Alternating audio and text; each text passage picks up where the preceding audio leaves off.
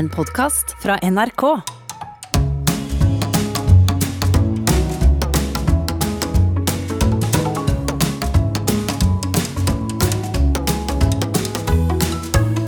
Hjertelig velkommen til Sånn er du her på NRK P2, hvor Nils Brenna Hei.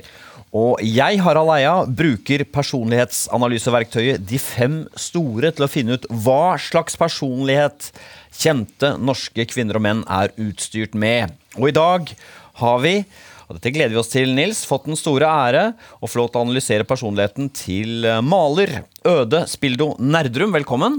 Tusen takk. Hyggelig. Eh, takk for at du kommer hit. Du har jo seilt opp til å bli en slags sånn eh, medieyndling og har skikkelig travelt mm, skjema. Så det er fint du tok deg tid. Ja, Bare hyggelig. Dette er noe jeg syns er veldig interessant. Så Ja, fordi jeg har lurt litt på dette med eh, hvordan du stiller deg til personlighetstester. Fordi jeg har jo i likhet med andre sett deg sant, på fjernsyn, på Skavlan. Og så en reportasje var på Dagsrevyen, var det ikke det? Hvor du klaget over at Norge ikke hadde noe adel. Og så selvfølgelig på Farmen kjendis. Og da ser man jo at du er jo du er et eh, dannet menneske. ikke sant? Opptatt av eh, kunst og litteratur og filosofihistorie. Derfor så var jeg litt sånn urolig, Nils. Vil Øde være skeptisk til et sånt moderne fenomen som personlighetsanalyse? Eh, I vår eh, individualistiske tid, så det, at det er liksom under din verdighet. Men derfor hadde jeg trukket fram eh, at dette er, dette, å spekulere i personlighet det er et gammelt fenomen. Allerede Theofrastos, som var en av elevene til Aristoteles, han uh, sa da Hvorfor er det slik at grekere som lever under den samme himmel og er utdannet på de samme skoler, likevel har så ulike temperament? Så da får du respekt for ja, ja, og de hadde jo, Grekerne hadde jo disse fire temperamentene de snakket om. Kolerisk, eh, sangvinsk, flegmatisk og Melankolsk. melankolsk. ja. Mm. Og de er jo De holder jo tiden veldig godt. De holder tiden vår, vår liksom kritikk i gåsehøyne, Nils, av grekernes uh, lynneforståelse. en ting er den teorien om at det er disse kroppsvæskene som uh, forårsaker det, men at det bare tar med to dimensjoner, nemlig nevrotisisme og ekstroversjon, mens vi har fem dimensjoner. Jeg er ikke enig i det. Hva er det du er enig i da, sånn sett?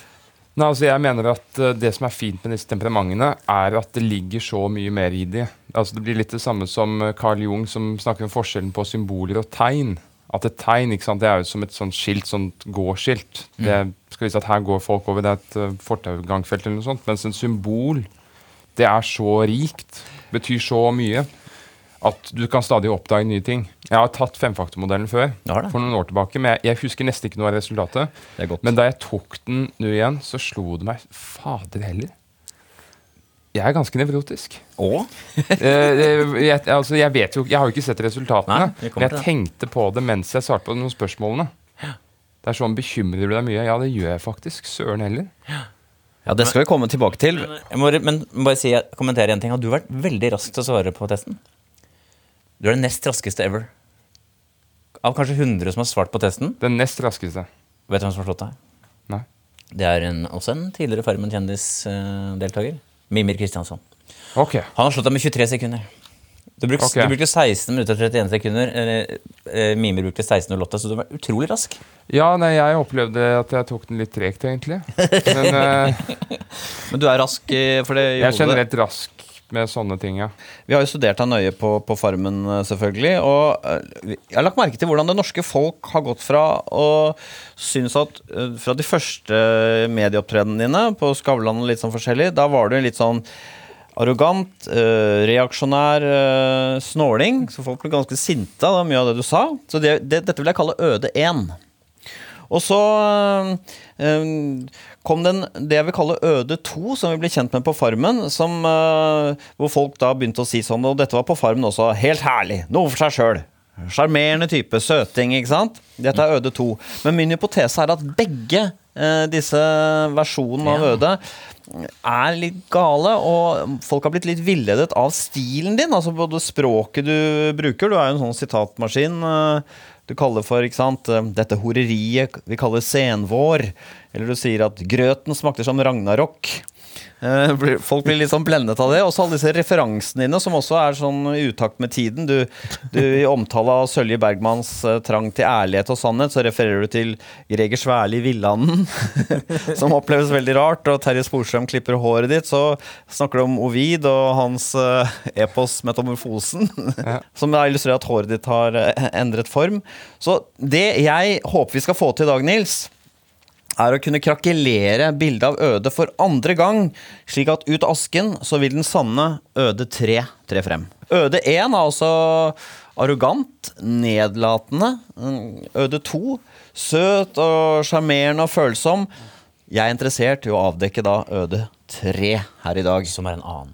Ja, Som kanskje er en syntese av de to. Ikke sant? Det første vi skal få svar på, Øde, er om du er et menneske med et lettaktivert nervesystem. Vi skal se på din score på nevrotisisme. Nevrotisisme handler om eh, negative følelser. Det handler, hvis man skal ta et sånt Jeg blir jo litt sånn ledet inn på disse banene fordi jeg vet hvem du er. Tar du bilde av hjernen og ser på amygdalaen, den lille kjertelen som på en måte strukt, Den lille delen av hjernen som sitter omtrent midt inne der, den primitive delen av hjernen, er den liten, så er ofte folk unevrotiske. Er den stor og aktiv, så er man nevrotisk. Det betyr at du kan bli lett sint, nervøs, urolig, stresset. Og vi begynner med denne underdimensjonen som heter engstelse. Tilbøyeligheten til å oppleve uro. Hvordan tenker du? Er du en engstelig type? Altså, det, jeg, jeg tror jeg er sånn engstelig for ting som skal skje i fremtiden. Ja. Jeg tror jeg er veldig lite engstelig for ting som skjer her og nå. Ja, Kan du gi noen eksempler på det ene og det andre? Nei, altså hvis jeg, hvis jeg planlegger en utstilling, eksempel, så er, det, så er det sånn at jeg kan gå rundt og plage meg, altså, for jeg er så nervøs Ja. for den utstillingen, og at det skal bli bra nok og sånne ting. Men når det først skjer i, Vernissasjen, er det i da? nuet, da. så Ja, Når folk kommer inn i galleriet, er det da du roer deg ned, eller? Jo, kanskje det. Men altså, sånn generelt sett så er det ting som skjer i nuet, er jeg ikke engstelig for. Så for eksempel eh, det du før en åpning da, en utstilling, hva er det du ser for deg skal skje da? Hva er det du, hva er det du går og gnurer på? Nei, altså det er jo Én ting er jo at eh, jeg må være fornøyd nok med bildene. Det er jo det aller viktigste. Og så er det reaksjonene til folk, om de liker det eller ikke. og Det er alt mulig. Jeg tror jeg er et nevrotisk vrak når det kommer til sånne ting. Fremtiden. Men da, bare for å sette tallet, da. Eh, minne om poengscoren. Rundt 50, da er du et gjennomsnittsmenneske. Eh, når du går rundt 60, så begynner det å bli tydelig. Uh, når du nærmer deg 70, så nærmer du deg 1% Du har fått tallet 68, så du er da sånn ca. 2-3% høyeste på dette. Det vil si at i f.eks. et uh, klassetrinn på skolen i Stavern, så var du kanskje en av de to, en, to mest bekymrede. Er det sant? Det er der, altså. Vi vet ikke. Vi, la, oss, la, oss, la oss høre litt. Hva er det som Men når du sier fremtiden Er det andre ting? Hvis du tar bort arbeidet ditt, er det andre ting du kan uroe deg for? Uh, ja, altså det er, det er ting jeg anser som viktige. Viktige eh, ting som skal skje i fremtiden. Typ hva da? Nei, viktige møter, treff. Ja, Hva er viktige møter, treff?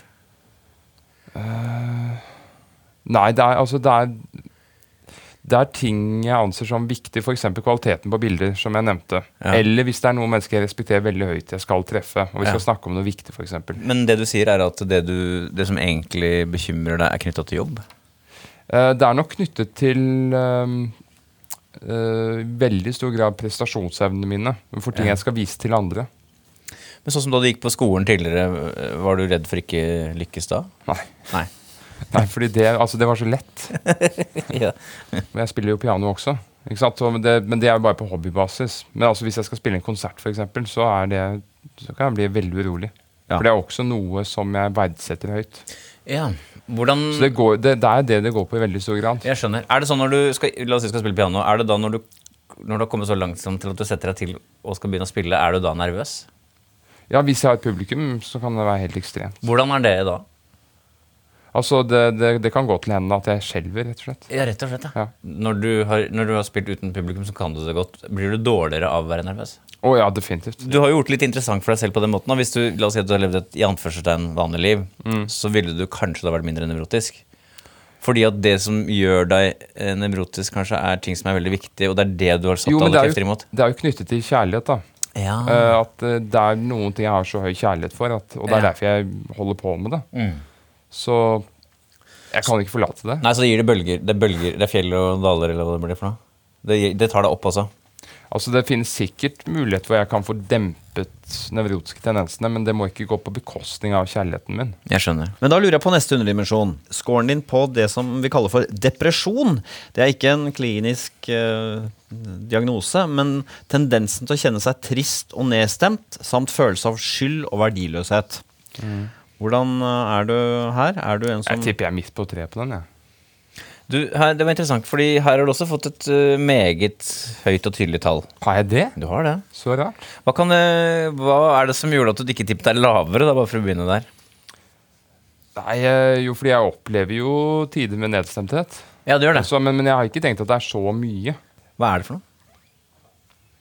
Nei, altså, jeg, jeg tror det er det at øhm, jeg, jeg tror de beste øyeblikkene jeg har i mitt liv, det er når jeg har en følelse av at jeg har en viktig funksjon i verden. Ja. Eh, Så hvis jeg, hvis jeg har perioder hvor jeg ikke kjenner på den, så kan jeg være ganske nedstemt. ja. Og da, hvordan er du da? Når jeg er nedstemt? Ja.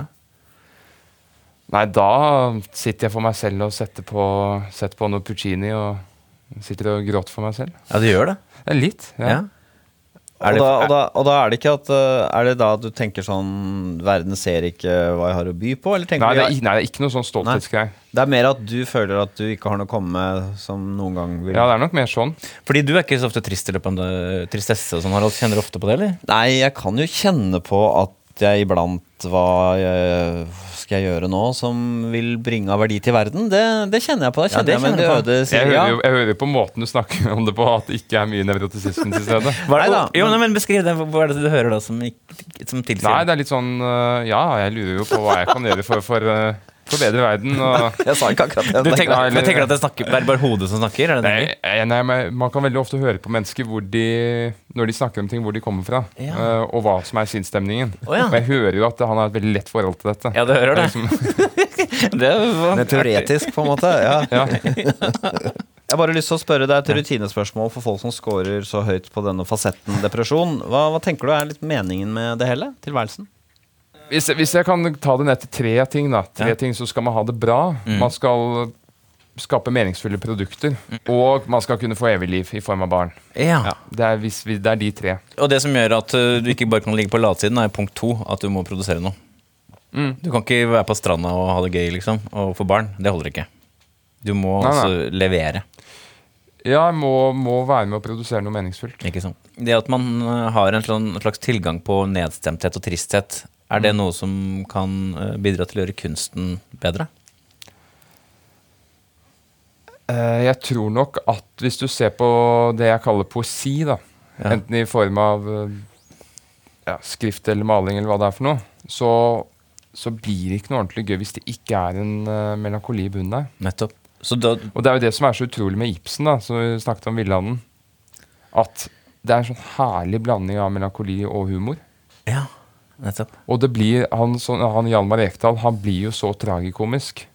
Det er det at all stor litteratur, alt stor maleri har en melankolibunn. Og det, jo, det, det har jeg tenkt og filosofert veldig mye over. At problemet med humoren altså Du har jo Aristoteles sitt verk 'Poesien'. og Den var i to deler. Det var tragedien først, og så var det komedien. Mm. Komedien har vi mistet, dessverre. Mm. Og da beskriver han de forskjellige trekkene ved, ved hver av dem.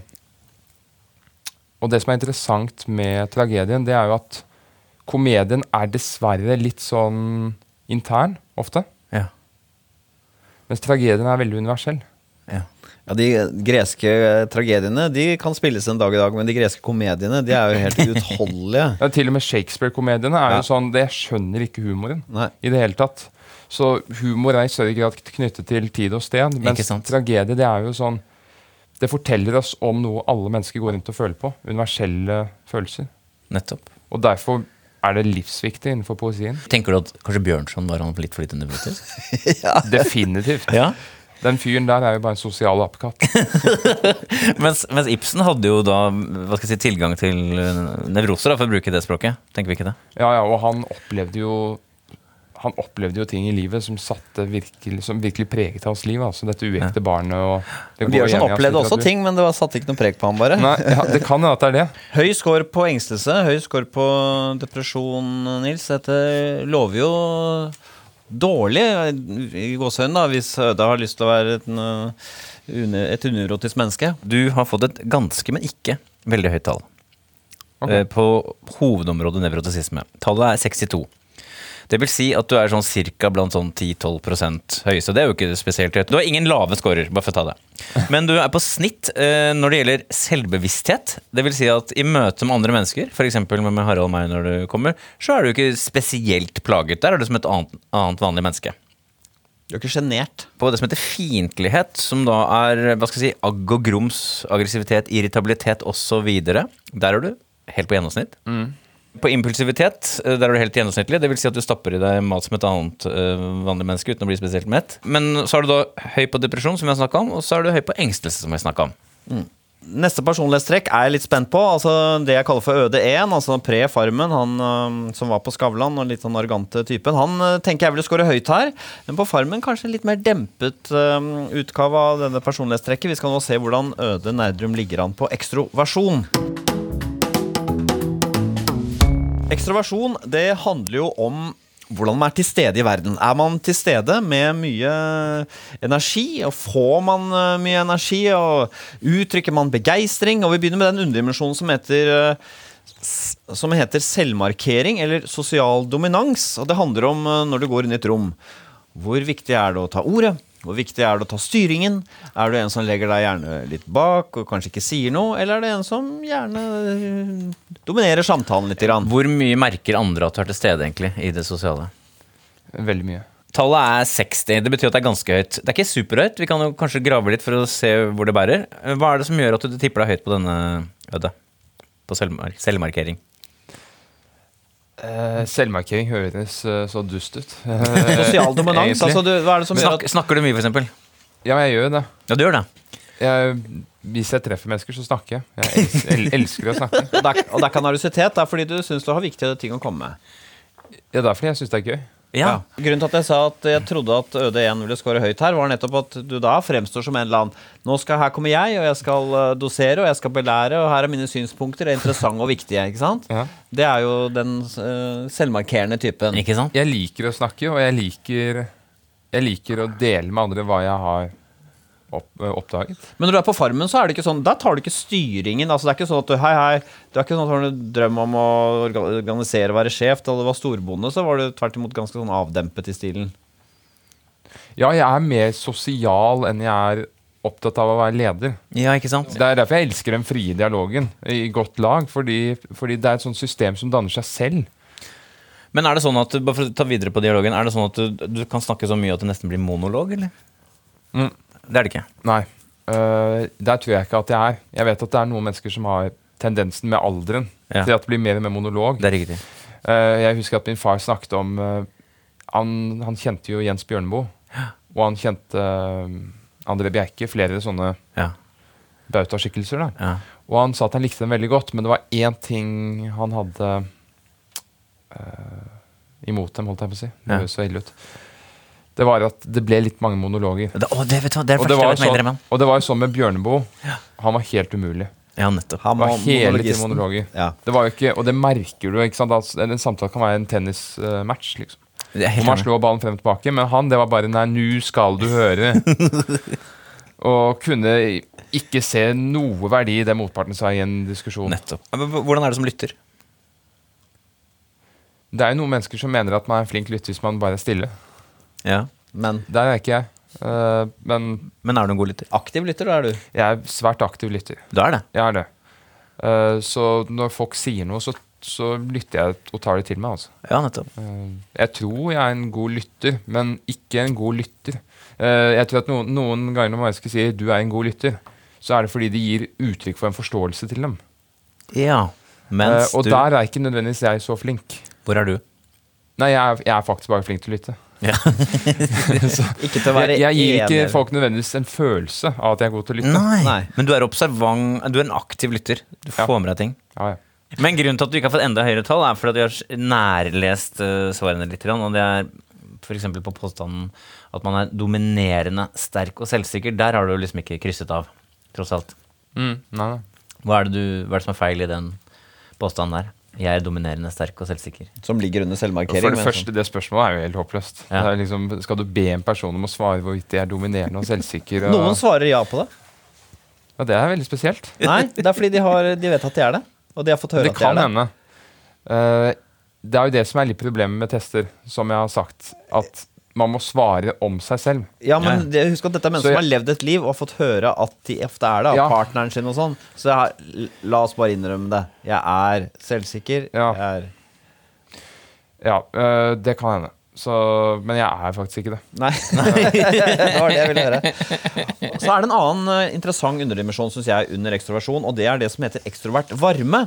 Og det handler om når du møter andre mennesker. Går du inn da med nærhet, vennlighet, hensyn og er interessert i andre, eller er man litt mer distansert, reservert, eh, og knytter deg ikke så kjapt til folk som scorer høyt? Hvordan tenker du her? Er du en sånn Vet du hva? Vet du hva? Det, her er jeg enten høyt oppe eller lavt nede. Jeg aner ikke. Det er ikke så rart at du sier det, fordi at tallet ditt, som er ganske lavt, men ikke veldig lavt, det rommer ting i begge retninger.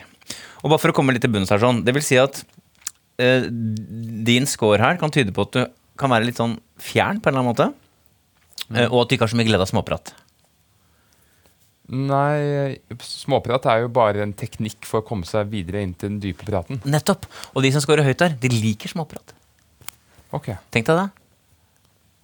Ja, jeg, jeg trodde det bare var en teknikk. Jeg. Nei, ikke sant? ja, ikke For sant? scoren din er da Tall, og, og scoren er 43, som er så vidt det gir utslag i en retning. Men det er jo definert som litt lavt, da. Men ikke spesielt lavt. Harald for eksempel, er veldig lav her. Eh, han har jo ikke, han har jo ikke glede av småprat i det hele tatt. Og han har heller ikke så veldig behov for å knytte seg så veldig sterkt til folk. Der kan hende at du skiller deg fra Harald, hva vet jeg. Stemmer det. Ja, hvordan, hvordan manifesterer dette behovet seg? Er det sånn at du, du, du La oss si du sitter i en gruppe, fire-fem stykker. Det er en middag, f.eks. En som er høy på ekstra varme, vil jo da uh, hva skal jeg si, nesten opprette en relasjon i løpet av middagen. Til, denne, Ja. til en person, eller to, eller tre. Ja, det er sant. Uh, jeg er nok ikke så aggressiv der. Nei. så du, så hvis, kan man si at du på en måte er litt fjern? Ja, det kan jeg godt, eh, godt forstå. Men, men akkurat det punktet med å gå helt inn i en situasjon og med mennesker, der burde jeg ligge ganske høyt. Ja. Men de må kanskje interessere deg for at du gjør det? Og de må ha noe å komme med på en eller annen måte, eller? Ja, altså Jeg kjeder meg jo veldig lett. Det gjør jeg. Eh, jeg er veldig interessert i mennesker, og jeg tror at mennesker, hvis du kommer nok under huden på dem, så er de interessante. Alle. Men eh, med en sånn maske, maskeradeball, Det, det det syns jeg er kjedelig. ja det, Altså- altså- maskeradeball, er det småpraten, eller? ja, det er det det jeg kaller mas maske, en slags maskefest, maskeradeball. Ja, ja. At man går rundt med en person da. Ikke sant. Og det er interessant, fordi litt tilbake igjen til det poenget at de, det, det finnes jo folk som elsker nesten Altså satt litt på spissen, så finnes det folk som elsker småpraten over alt annet. Jeg At det er elsker å ha på seg maske, liksom. Ja, Men jeg har lyst til å spørre, da du kom inn her i stad, vi møtte hverandre utenfor eh, studio, og så drev jeg og spiste. Og så satte du deg ned, og så lå Aftenposten på bordet. Og da, tar du, og da leser du i Aftenposten eh, kanskje etter 30 sekunder etter å ha satt deg ned. Eh, og, og da tenkte jeg med en gang Hvordan var den scoren til ekstrovert varme eh, til, til Øde her? Fordi det tar typisk sånn som ja, Det er ikke så farlig å gå inn i en sånn småprat med meg der. Jeg er litt mer nysgjerrig på hva som står i Aftenposten. Eller hva var det? Hva var det? Nei, det, jeg vet ikke. Det, det var kanskje litt det at du satt og spiste, og så, Hensyn til spiseren? ja, og så bare kommenterte jeg at det var Aftenposten eller noe sånt. Ja, og så, så fikk jeg den forståelsen av at du ikke hadde noe imot hvis jeg leste det. det er riktig. uh, du sa det ikke, men det var noe med kroppsspråket. At det, var, det er greit hvis du vil lese avisen. Så uh, relativt høyt på selvmarkering, som er et ekstrovert trekk. Litt lavt på ekstrovert eh, varme. Så nå vil jeg gjerne ta, ta deg tilbake igjen til dette greske inndelingssystemet. Tenk, av disse fire, hvilken av disse fire føler du deg som? Uh, det har jeg tenkt en del på, faktisk. Kolerisk og sangvinsk, det er de to ekstroverte. Ja, det er riktig. riktig. Flegmatisk og uh, melankolsk Mm. er introverte. Jeg- Jeg tenkte veldig lenge at jeg var en blanding av kolerisk og sangvinsk, Ja, det er du ikke. men jeg tror ikke det. Nei. Hvis du fikk et nytt forsøk, hva ville du sagt? Jeg kan hende at det er sangvinsk og melankolsk. Siden du har ganske høy på nevrotisisme, Ja. så skal vi jo i nevrotisk retning, selvfølgelig. Og så er du da ganske lav på ekstraversjon. Ja, det, jeg er lav på ekstroversjon. Ja, du er Ja, så Da jeg tok femfaktormodellen sist, så sprengte jeg ekstroversjonen i taket. Ja, men det må ha vært feil. Gratistest. Eh, Dette er en gratistest. Den er ikke lisensiert. Ah, ok. Eh, Jeg kan si, men den er, du er ikke veldig lav. Du er, eh, si tallet er 42, som betyr at du er akkurat på nedsiden. Så sånn sett så er du definert som en melankoliker. Så du har sånn sett papiret på at du er melankoliker. Ok. Lave scorer her, da, eh, på ekstroversjon, det er på spenningssøking. Og den er litt sånn, kanskje ikke den tydeligste fasetten her, Harald. Det er ikke den vi tenker mest på, at man scorer høyt eller lavt på. Der har du fått et så lavt tall at det kan, ty det kan på en måte da i, gå litt under radaren på å gi deg lav score på ekstraversjon. Du har fått eh, 32. Det vil si at du er ikke en sånn fyr som oppsøker spenning i alle mulige varianter. Nei, altså Livet er spennende nok i seg selv. Ikke sant. Og det er jo da et veldig tydelig introvert trekk, pussig nok, eller ikke intuitivt nok, kanskje, da. Så det trekker deg jo ned. Så det kan gjøre det litt forvirret, dette tallet, ikke sant. Jeg skjønner. Og så er du da touch av lav, eller i normalområdet på aktivitet. Det vil si at eh, du er energisk omtrent i normalområdet, eventuelt litt du kan like å slappe av litt også. Litt bedagelig type er det. Ja, jeg liker å slappe av. Og så er du da på snitt på sosiabilitet. Der er du jo som et gjennomsnittsmenneske på sosiale behov. Og så er du da ganske høy på selvmarkering, som vi har snakka om. Så det er jo egentlig det er selvmarkeringen din, at du er såpass glad i å snakke, da, og lytte, som gjør at du Som er ditt egentlig eneste ekstroverte trekk. Ja, det er interessant. Ja? Men gir det mening? Ja, det gir mening. Ja, det er ikke så veldig uvanlig det at folk scorer veldig høyt på én ting. Eh, en underdimensjon. Og hvis, man, og hvis, hvis selvmarkeringen er din høyeste score på, under under ekstroversjon, så er det naturlig at folk tenker at du er mer ekstrovert enn du er. Ja. Så da, så langt altså, du er en lettere introvert eh, type med dette ene ekstroverte trekket, nemlig at du eh, er såpass eh, skravlete. Men ikke sånn småpratskravlete, men snakke om ordentlige ting. Ja. Fordi det er ikke noen nære relasjoner du er ute etter å bygge. Det er å utvikle og utforske ideenes verden, kanskje. Kanskje. I så fall så bør du ha høy score på neste personlighetstrekk. Vi skal se hvordan Øde Nerdrum ligger an på åpenhet for erfaringer. Åpenhet. Det handler altså da om nysgjerrighet på erfaringer, nysgjerrighet på kunnskap. Eh, Og her begynner vi med den underdimensjonen som heter åpenhet for ideer. Det er en ren intellektuell nysgjerrighet. Har man en lav score her, så fokuserer man ofte på et eh, lite fagområde, og man er veldig konkret i sin tenkemåte. Eh, Hva er det som virker og ikke virker? ikke sant? De store Ja. teoriene interesserer en ikke, og motsatt. Man går gjerne med på en litt sånn eh, diskusjon om eh, abstrakte ideer og forestillinger. ja. Eh, Hvis man scorer høyt, hvordan er det med deg her? Jeg tror jeg ligger veldig høyt. Det gjør du. Meget høyt. Tallet er 66, det vil si 5% høy. Så i en gruppe på 20 personer er du den. Ja, Er det sånn at du for eksempel har lest filosofi på liksom egen hånd? ja, ja masse. Det har du, for eksempel. Eller ikke nok, selvfølgelig. Jo, jo, men eh, hva er det du har lest, da, for eksempel, bare for å få en følelse av at du har lest noe? holdt jeg på å si? ja, jeg har jo vært borti Nietzsche, Rousseau, Ja, ikke sant? Stirner, Platon, og Aristoteles. ja. Platon og Aristoteles er nesten umulig å forstå sånn på egen hånd, er det ikke det? Nei, jeg syns ikke det. Du syns ikke det? Jeg har vært borti Kant også. Uh, Og det rare er at Kant regnes som veldig tung å lese. Mm. Men overgangen fra å lese Kant til Aristoteles var veldig hard for min del. Ja. Jeg synes Aristoteles var mye vanskeligere. ja, nettopp. ja. Men det er jo litt, på grunn av, det er jo litt fordi Aristoteles opererer med et sånn veldig strengt logisk system. Hvis Mm. A er som B og B Det er måten han skriver på, særlig, særlig denne metafysikken. Men på Farmen, da, hvordan var det der å ha denne høyskolen hvor du kanskje merker at de andre er lave? Nei, altså det ble, jo litt, det ble jo litt sånn at jeg fikk ikke utfordret meg på det feltet i veldig stor grad. Nei, Ble du utfordret i det hele tatt? Nei, ikke på det feltet. Var det no hvis du skulle si én annen som hadde et snev av høy score på teoretisk nysgjerrighet i den gjengen, hvem ville det vært?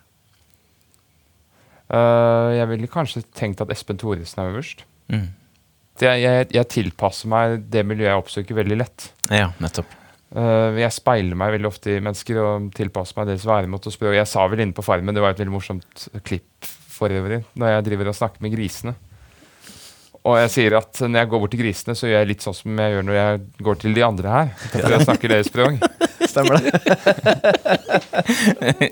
det var gøy. Og det er faktisk sant, så sånn sett er jeg veldig Jeg tilpasser meg veldig. Jeg, liker å, jeg liker å få kontakt med mennesker. Så, Ja, så selv om jeg, jeg liker Så jeg prøver jo så mye jeg kan når jeg treffer mennesker. Selv om de ikke er så interessert i å utforske ideer, så prøver jeg å snevre det inn på et område hvor det kan bli filosofisk. På alle mulige ting. ikke sant? Hvis jeg snakker med Eli Kari Engdahl, f.eks. Hun driver jo med gin. ikke sant? Kan jeg kan vi snakke om alkohol og gin og komme oss inn på filosofi? Liksom? Men hvorfor, gjør man det? men hvorfor vil du det, egentlig? Jo, fordi jeg elsker det. Ja. Og Hva er det du elsker ved det? Eh, det meningsfulle med det. Ja, Det at man, man gjør verden meningsfull. nettopp. Verden blir rikere av det, på en måte. Ja, det gjør det. altså. Åpenhet for erfaringer er jo en samlekategori. Åpenhet for ideer har vi vært innom. Og så er det åpenhet for følelser. Altså hvor mottagelig man er både for egne og andres følelser. Eh, Hvis jeg kan gjette på et tall, da. Mm. 60? Å, det er bra gjetta! 61. 61? Som er det, Ja. i denne sammenheng det samme tallet. Hva er det som tyder på at du har dette nivået? Nei, At jeg legger merke til menneskers følelser. Vet du hva, Dette er veldig overraskende, fordi jeg tror veldig mange mennesker oppfatter meg som en som ikke oppfatter følelsene til folk. Ja, og, Men er det riktige svaret? Ja, men det gjør jeg jo. Ikke sant? Uh, men, men jeg har en veldig klar og tydelig stemme når jeg snakker fra mitt ståsted. Og det kan gjøre at folk misforstår litt. I denne testen så er det det som tyder på at folk har rett, men som gjør at de ikke har rett, er at du har ganske høy score på selvmarkering, og så har du ganske lav score på ekstraart varme, som er uttrykk for en slags sånn eh, Det å være distansert på en eller annen måte. Men det som eh, gjør at du har rett, er at du med din høye åpenhet for følelser, litt sånn på avstand, litt lenger unna der liksom nærpraten rundt bordet går, der får jo du med deg ting. Ja, så Det blir jo litt mer som et eh, kinolerret. da. Ja, Uh, at, jeg har det på, at jeg har det litt på avstand, men jeg ser det. nettopp. Det er helt riktig. Så jeg observerer det, og så bruker jeg det. Jeg kan bruke det i maleri. jeg kan bruke det, ja. Ikke sant? Så du er jo da, hvis jeg kan prøve meg på en formulering, du er jo da litt reservert, men samtidig ganske var. Mm. Vi skal bringe nå inn noe som egentlig ligger under en annen faktor, nemlig medmenneskelighet, og det er det som heter følsomhet, som vi noen ganger omtaler som empati, men det gjør vi ikke i denne sammenhengen. Det handler om uh, hvor liksom bløt man er i en del spørsmål, for eksempel. Eh, og der har du interessant nok en uh, lav score. Det er f.eks. at du ikke har så mye sympati med alle mulige mennesker. Du mener kanskje ikke at alle fortjener respekt. Det som er interessant i denne sammenheng, er at du gjennom dine, dine åpenhet for følelser, så kan du kjenne på empati for folk. ikke sant? ja. Men det går en slags, kan du si litt om hvor den grensa går? Når er det empatien slutter å virke? Det er si? ikke noe problem å svare på. Nei. Fordi det finnes jo forskjellige typer empatier. Ja. Uh, Det finnes det jeg kaller naturlig empati. Ja. Og det er med mennesker du kjenner. Men empati overfor mennesker du ikke kjenner, tiggere og Ja. barn du har sett på film i Afrika og sånn, Ja. det er litt eh, innlært empati. ja, nettopp. Det er veldig interessant, fordi du har jo da Det er faktisk beskrevet av noen psykologer, men jeg bruker litt andre ord på det. da. ja. uh, men, men jeg oppfatter det som lært empati. Det, Ja. å, det å ha empati med folk man ikke kjenner. Ja. Fordi man, man får ideer om at man skal ikke bo i en sånn rønne. Mm. Man skal, det skal ikke være sånn at du skal gå to kilometer for vann og sånne ting. Dette bør du reagere på. Og Mm. Der er ikke jeg på sånn, på sånn pålært empati. Har jeg kanskje null. Det er veldig stor forskjell på folk jeg ikke kjenner, og folk jeg kjenner. Hva med meg, da? Øde? Du treffer meg. Nei, Det ville ikke slått noe særlig inn på meg. jeg kjenner deg ikke så godt. Men det er interessant. Da. for Kan du, kan, du nesten, kan du nesten merke eller vite hvor den grensa går? Hvor, når, når empatien slutter? Eller ikke virker, da. Ja, det er vel kanskje sånn Det stopper vel på sånn cirka sånn 30 mennesker i min omgangskrets. Altså, ja. altså at, at utenfor det finnes nesten ingenting. Men er det sånn at det går gradvis ned, eller er det at det er liksom høyt på dem? Jeg tror dem? det er et ganske hardt skille. Altså. Det går jo Ja. selvfølgelig litt gradvis, men Og så plusser det slutt? så helt ærlig, jeg har null empati for tiggere. Nei. hva, hva er det som ikke Det hjelper ikke at tiggerne har skilt for så Jeg er norsk. For det hender at de prøver å øke til empatien ved å si at de er norske. Ja, det, det, ikke sant? Og det, det blir sånn pålært empati. For det er jo helt absurd at du skal føle empati for noens nasjonalitet. Så Øde, høy på åpenhet for ideer, høy på åpenhet for følelser. Dette tyder på et åpent menneske, Nils. Eller er det ting som trekker ned her? Det er ting som trekker ned, nemlig det som heter åpenhet for handlinger, som kort fortalt handler om man liker variasjon eller rutiner. Så jeg, jeg tror jeg er rutinemenneske.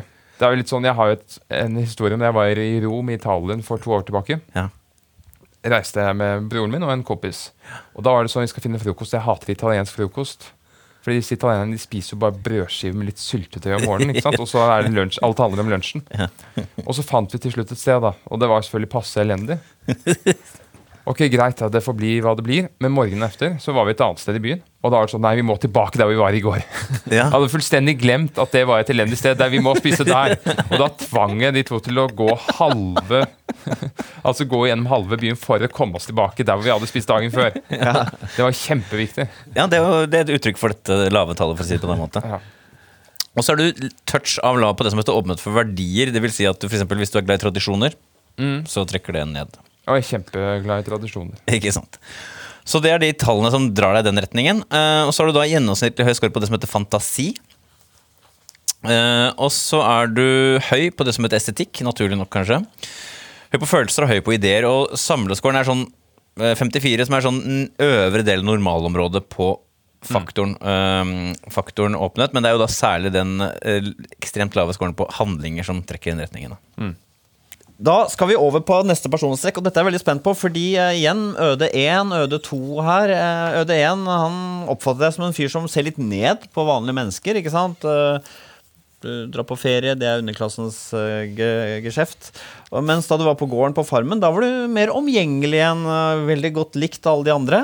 Hvor ligger sannheten? Vi skal se Øde Nerdrums score på medmenneskelighet.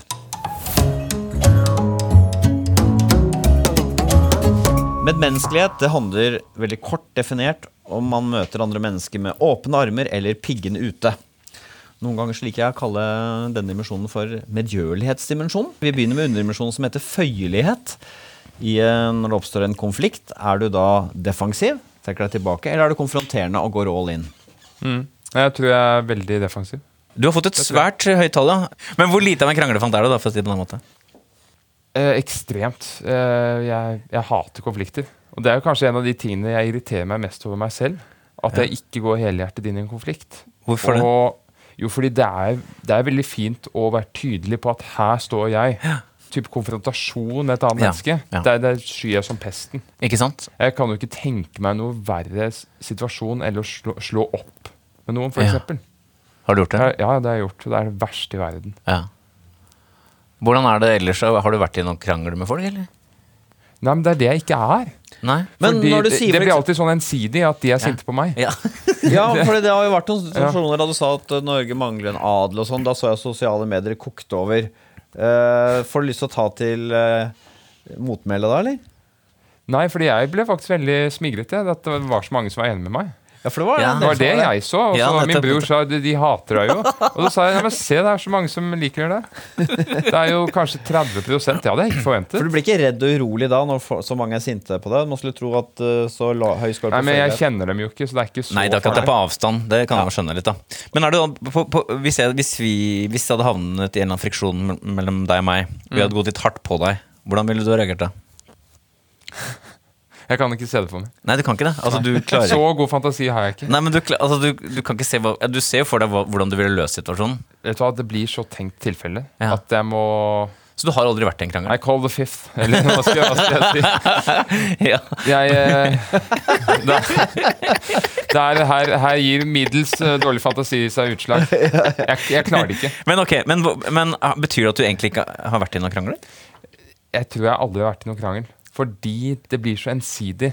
Ja. Jeg, det er de som er sinte på meg. Ja, for det som skjedde i Farmen da du havnet i en konflikt med, med Kine Olsen Ettersom du satt under denne øksekassekonkurransen da hun skulle til å kaste øksen, og så sa du bom, bom, bom. og hun ble veldig lei seg og rasende. Så har du jo selvfølgelig Du har dårlig samvittighet på den ene siden, men er det, det her er det også en konflikt mellom dere to. Hun er sint på deg, du er verdens verste menneske. Og da, hva gjør du da? Når, når du omgås med henne i huset senere, da går du, trekker du deg unna henne? Eh, prøver å ikke møte blikket hennes etter å ha bedt om unnskyldning, selvfølgelig. Men eh, hvordan oppfører du deg da? Ja, Jeg trekker meg unna. Eh, og den kvelden så hadde vi jo en sånn sankthansfest med bål og det hele. Eh, og der deltok alle bortsett fra meg. Oh, ja. Jeg var oppe og vasket hele uteområdet. Oi. Det var det jeg gjorde. Vasket uteområdet? Ja. Vi hadde, vi hadde en sånn stasjon hvor vi hadde en pumpe og masse ting, og jeg, jeg ryddet og vasket alt det. Men hvorfor gjorde du det? Det var en blanding av Altså For det første så kunne jeg Jeg, jeg, kunne, jeg orket ikke være der nede med de andre. Der hvor hun var. Nettopp. Det var ubehagelig. Ja. Og så for det andre så måtte jeg ha noe å gjøre. Og for det tredje så var det nok litt selvstraff. Ja, Ja, Gjøre en slags bot for det hele? Ja. Ja. Nettopp. Så det er en blanding av den dårlige samvittigheten og Men det var veldig fint øh, å gjøre det. Det ble helt nydelig rent der. Men det er interessant fordi at du har jo det i, i anførselstegn den verste kombinasjonen her. Fordi det er jo sånn du Du, syns, du, du kjenner på skyld. Du syns det er veldig ubehagelig med friksjon, og så har du denne varheten på situasjonen. Skjønner du hva jeg mener? Så du, Ja. så du, du driver er og og føler liksom der borte. Sitter hun og olmer. Ja, fordi En som hadde skåret lavere på føyelighet, tenker vi da, hadde gått inn. Kine, hør nå her. Ja, jeg sa det. Det var dumt. Jeg har bedt om unnskyldning. Det er en fuckings reality-underholdnings-TV-konkurranse.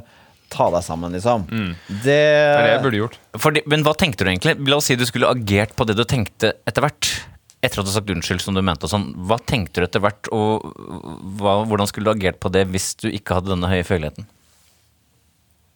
Jeg tenkte jo etter hvert at dette her er ganske motbydelig oppførsel Nettopp. fra hennes side. Nettopp. Uh, men samtidig, altså, da er man, det er en litt sånn vanskelig situasjon at jeg kan jo ikke anklage henne noe for, for det. fordi dette burde jo jeg innsett tidligere. Ja. Men har, har, du, har du da krefter i deg som hva skal jeg si, du kunne i en, med en annen skår på føyelighet, da, for å si det litt teknisk, ville ha fått deg til å agere ganske hardt? Sannsynligvis. Mm. Men, men jeg gjør ikke det. Men det er langt unna, ikke sant? Du, Det er så skjer langt ikke. unna. Det, jeg tror jeg, altså Disse nivåene kan jo endre seg litt med alderen, og sånn, men jeg tror aldri jeg kommer til å gå der. Det er for langt unna. Men har du noen gang krangla med foreldrene dine? Ja. Det har du. Uh, nei, altså igjen, nei. uh, det, det blir ikke gjensidig. Det Nei. blir at de er sinte på meg. altså, du, jeg hadde fått mye kjeft. Så opprøret Nei, nei, nei jeg, altså jeg vil presisere for lytterne her at jeg ikke har fått mye kjeft. Men når det har skjedd, så har det ikke vært gjensidig nok til å kunne kalles en krangel. Nei, for, Så opprører er du ikke da, sånn sett? Jeg er intellektuell opprører. Ja. Ja. Uh, jeg tror folk blir ganske sjokkert når de treffer meg og min far sammen, for eksempel, og hører hvor mye vi er uenige. ja. Jeg tror mange mennesker har en slags oppfatning av at vi er enige om alt, men det Ja. finnes jo ikke en som er mer uenig med ham enn meg. Nei, og det er ikke noe problem. Fordi uenighet det er ikke sterkt nok til å gi deg ubehag. Nei, uenighet er bare gøy. Ikke sant? Ja, nettopp. Det er interessant. Ja, det, er, det har du nok rett i. Man tenker at du er en slags sånn uh, Apropos evig liv, en slags kloning av han. Uh, Ja, det er nok noen som tenker det. Det var en som en gang sa at jeg og min bror var to onde utvekster på Nerdrums legeme. Det var godt sagt! Hvem er det som sa det? Det var en amerikaner. Oi, oi, oi, ikke to. Amerikansk journalist et eller annet som skrev i en artikkel. Det var friskt språk. Ja, det var frisk. Mm. noen Jeg ble litt, jeg ble litt smigret, jeg. Ja, det skjønner jeg kjempegodt. Ok, I sum eh, på det som heter medmenneskelighet, så er du helt på i gjennomsnitt. Du er da, har da lav score på det som heter følsomhet, som vi snakket med deg om under følelser. Det som, der hvor empatien stopper, så å si. Og så er du ganske lav på altruisme, så det betyr jo egentlig at du er litt egoistisk. Og det kan man se for seg hvis du er veldig opptatt av arbeidet ditt, så er det det som kommer først. For å si det veldig kort. Og så er det da gjennomsnittlig til og med toucha høy på det som heter beskjedenhet. Og dette er interessant, Harald. Ja, fordi. Nå er det litt tilbake til til ØD1. Ja, fordi da fremstår du da, ikke sant, feria for underklassen, en som er, tror man er bedre enn andre, men det er du ifølge vår test ikke. Et sånt menneske som syns at du er øh, bedre enn andre. Du er ikke selvgod. Og, Nei, ikke. og så er du gjennomsnittlig høy på det som heter rett fremhet. Det betyr at du verken er spesielt eh, taktisk eller må si ting rett ut til enhver tid. Og så er du ganske høy på tillit. Du er relativt tillitsfull, tross alt. Eh, Det tror jeg. Det er du. Og så er du da høy på føyelighet, som vi har snakka om, rett og slett. Så du er jo midt på treet i sum her, men, men ganske sånn spennende profil på medmenneskelighet. Alt blir jo mot, motbevist her. Ja, Jeg er både føyelig og beskjeden Ja, og Ja, det er sammensatt. Vi skal se hvordan Øde ligger an på planmessighet.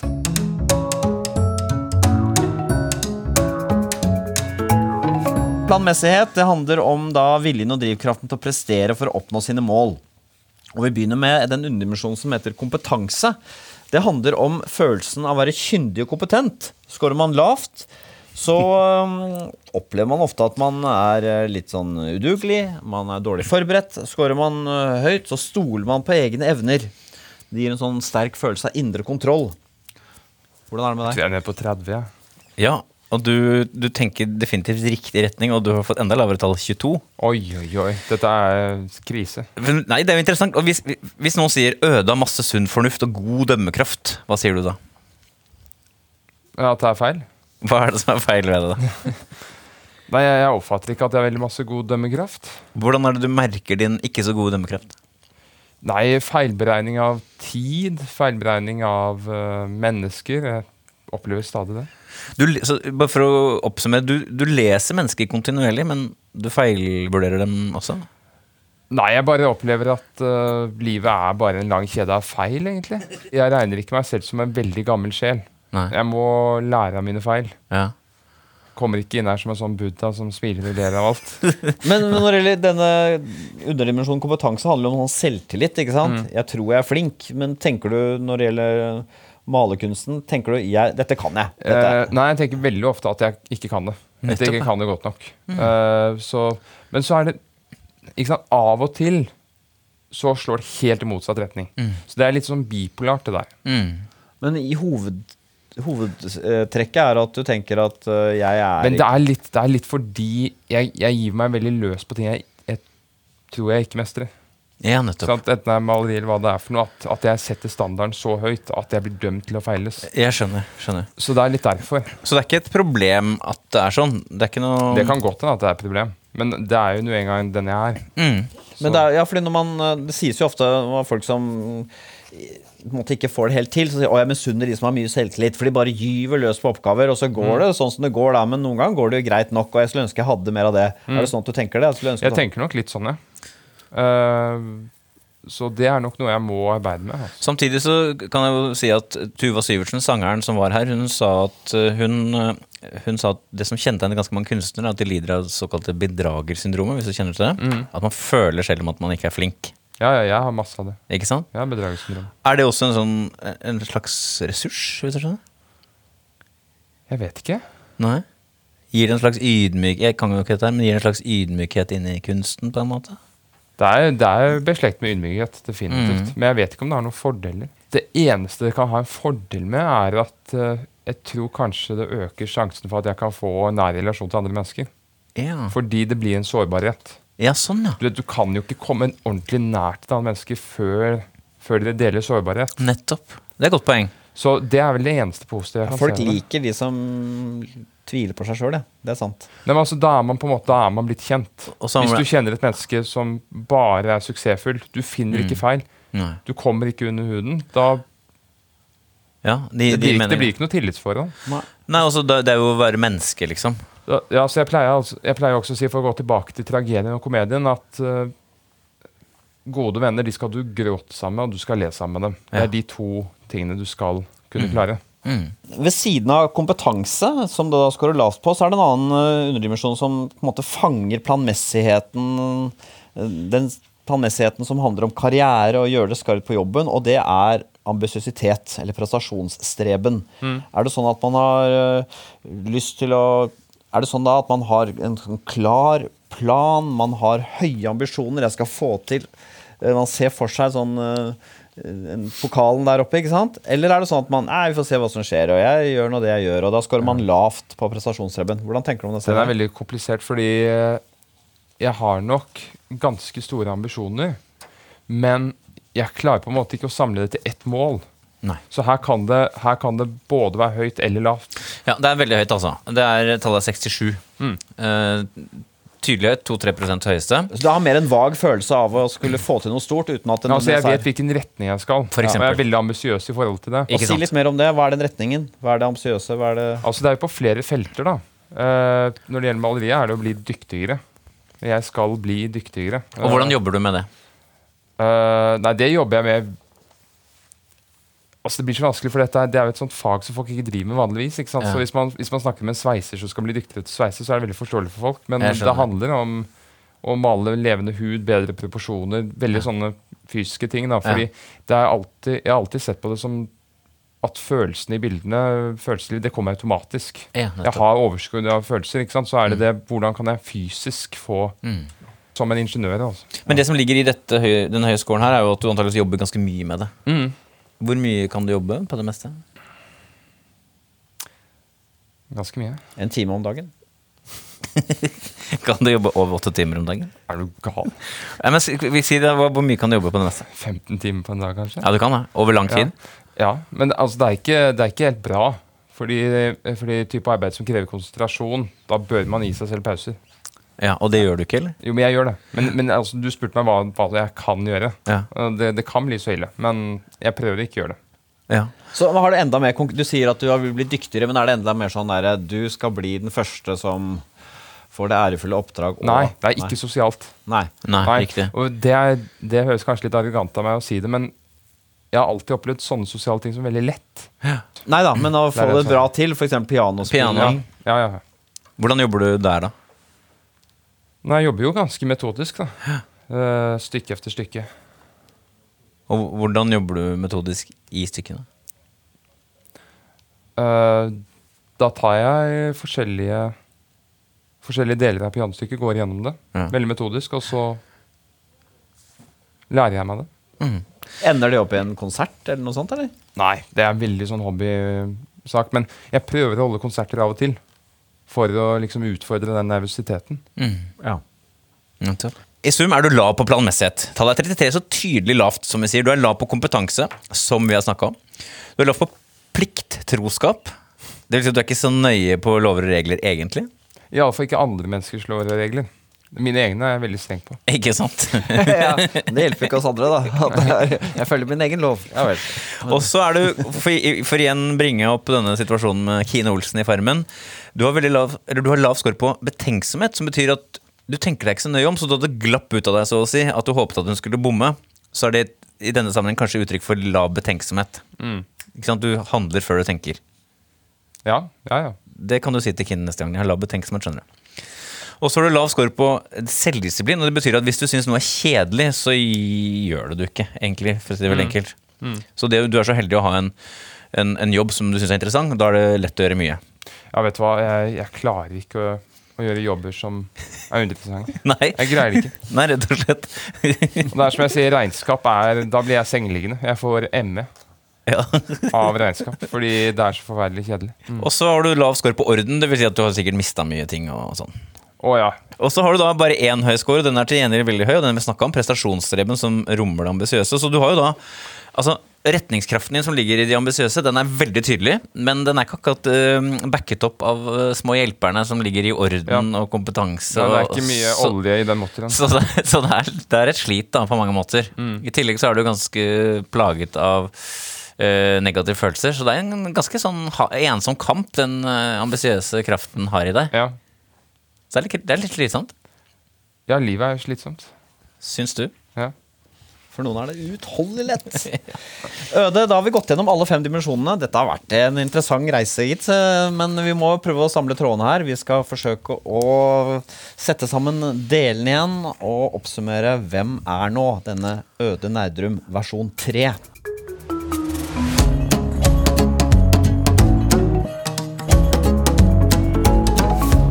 Øde, vi startet jo ut med disse to bildene folk hadde av deg, eh, som vi begge mente var litt bom, da. Eh, Dette var, ene var Øde 1, som er opptatt av ideer, eh, som på en måte ser ned på samtiden, kanskje også menneskene i samtiden, ikke sant? Som utbasunerer litt sånn radikale ideer om at vi trenger en adel og sånne ting. Og så er det Øde 2, som vi så på Farmen, som var en mer følsom uh, type. Mild. Uh, lite glad i konflikter, glad i mennesker. en Menneskekjær type. Og så vil vi nå lansere på en måte Øde 3, som er litt mer kompleks. Og det er en ganske engstelig fyr med anlegg for tungsinn, som ja, du lever i ideenes verden, sånn som Øde 1. men du er Du, du anser deg ikke som noe bedre enn folk. Og, men det er heller ikke sånn at du er et veldig empatisk menneske. Du bare får med deg hva som foregår, og er interessert i andre mennesker, men du er ikke så veldig sånn hjelpsom av deg som type. Eh, og da som midt oppi alt, gjerne vil bli til noe stort, men mangler helt selvtillit. Så det er ganske Slags eh, Frankenstein-monster. Ja, det er satt sammen av mange deler her. Kan jeg spørre om en ting som jeg sikkert mange lurer på? Ja. Du, hvorfor sier du nu og gården og sånn? Uh, nei, det var en bestemmelse jeg gjorde da jeg var 13, egentlig. At jeg skal snakke riksmål. Ja. Men Eller tal... litt sånn rent uh, riksmål. Så det utviklet seg. Så jeg, jeg nådde nok høyden av min riksmål... Periode. Periode, eller språk, eller hva skal kalle det, da jeg var 1920. Ja. Og da, altså hvis den 19-åringen hadde truffet meg nå, så hadde han blitt skuffet. For jeg har blitt litt mer vulgær siden da. På den tiden så sa jeg jo dem og dere og Altså i høflighetsform. Ja. Og det ble jo litt vanskelig, da. Fordi når jeg, hvis jeg snakket med folk i kafeer, eh, så sa jeg de, og så snudde de seg. Hvem er det du henvender deg til? Liksom? Tredje person, ja. Vel, jeg har også merket at du, du bøyer i Italia i hannkjønn. Italien. Mhm. Så Han bruker vel ikke hunnkjønn, tenker jeg? Nei, det finnes jo ikke i det danske språk. Nettopp. Nei, så derfor så blir det lett å glemme at Italia er Så. Karibien består. Ja. Men um, jeg har lyst til å spørre helt til slutt. Den derre eh, En ting som ikke Testnor fanger opp, er jo sjarme. Og du har jo dette lille smilet. Du har det lille lure smilet. Er det Er det en slags sånn strategi? Er det en, er det en måte å, å mykne opp det du tenker på, at du er litt kantete, eller kommer det fra et ekte sted? Jeg vet ikke. Hvis det er en strategi, så er det underbevisst. Ja, da kan du er, Fordi, fordi eh, personlig så har jeg alltid opplevd at jeg klarer ikke å unngå å smile. Nei. Så det er eh, Det er litt Det er, det er på en måte min gråt. Smil er din gråt? Ja, altså folk som plutselig gråter. Det kan jo ikke jeg. Jeg kan bare gråte med vilje. Mm. Men jeg kan faktisk ikke smile med vilje. Nei. Så det er Det bare, det bare skjer. Ja, men altså hvis jeg, hvis jeg poserer for en fotograf og han sier smil, så blir det helt håpløst. Jeg Ja, klarer, ja. ikke, klarer ikke å gjøre det. Det blir sånn Jeg skal vi teste etterpå. Ja. Du, tusen takk for at du kom, og at du svarte så presist og ærlig. Det var utfordrende for oss også, Nils. Det var gøy. Har du lært noe, eller? Ja, jeg har lært masse. Det det har vært litt konfronterende for min del også. Ja, men det går greit, eller? Ja, ja. Takk for at du kom, Øde, og delte. Selv takk. Det har vært Takk. en fornøyelse.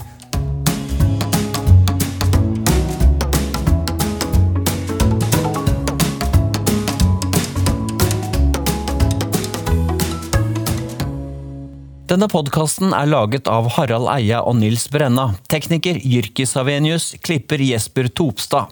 Sånn er du er produsert av Feelgood for NRK. Redaktør i NRK er Jan Egil Odland. Hør flere episoder i appen NRK Radio. Du har hørt en podkast fra NRK. Hør flere podkaster og din NRK-kanal i appen NRK Radio.